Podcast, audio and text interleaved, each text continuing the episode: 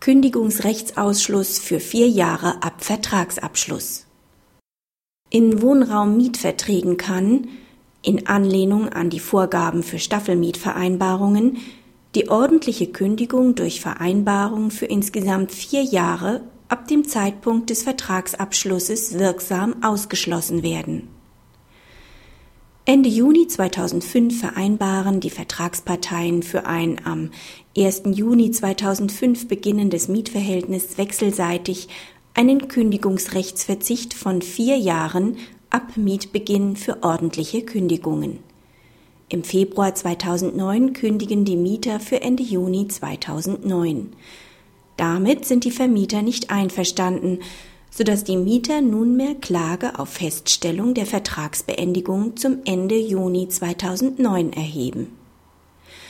Vor dem BGH haben sie damit Erfolg. Die Vereinbarung des Kündigungsrechtsausschlusses ist unwirksam. Sie benachteiligt die Mieter nach 307 Absatz 1 Satz 1 BGB unangemessen. Zwar kann ein Kündigungsrecht, auch formularmäßig, ausgeschlossen werden, dies darf den Mieter jedoch nicht unangemessen benachteiligen. Eine Orientierung an dem für Staffelmietverträge vorgesehenen Zeitraum ist dabei durchaus zulässig.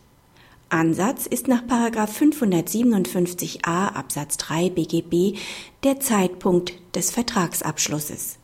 Auf den erst später liegenden Zeitpunkt des Mietbeginns abzustellen, führt zwangsläufig zu einer längeren Bindung. Die Kündigung ist daher wirksam, weil die gesamte Regelung keinen Bestand hat. Praxishinweis. Die Entscheidung schafft in Abgrenzung zur bisherigen Rechtsprechung Klarheit. Sie ist zutreffend, weil eine über Gebühr lange Bindungsfrist des Mieters nicht zulässig ist. Wenn ein Rückgriff auf die Regelungen über Staffelmietvereinbarungen für zulässig erachtet wird, um Befristungen zu erreichen, kann davon nicht wirksam abgewichen werden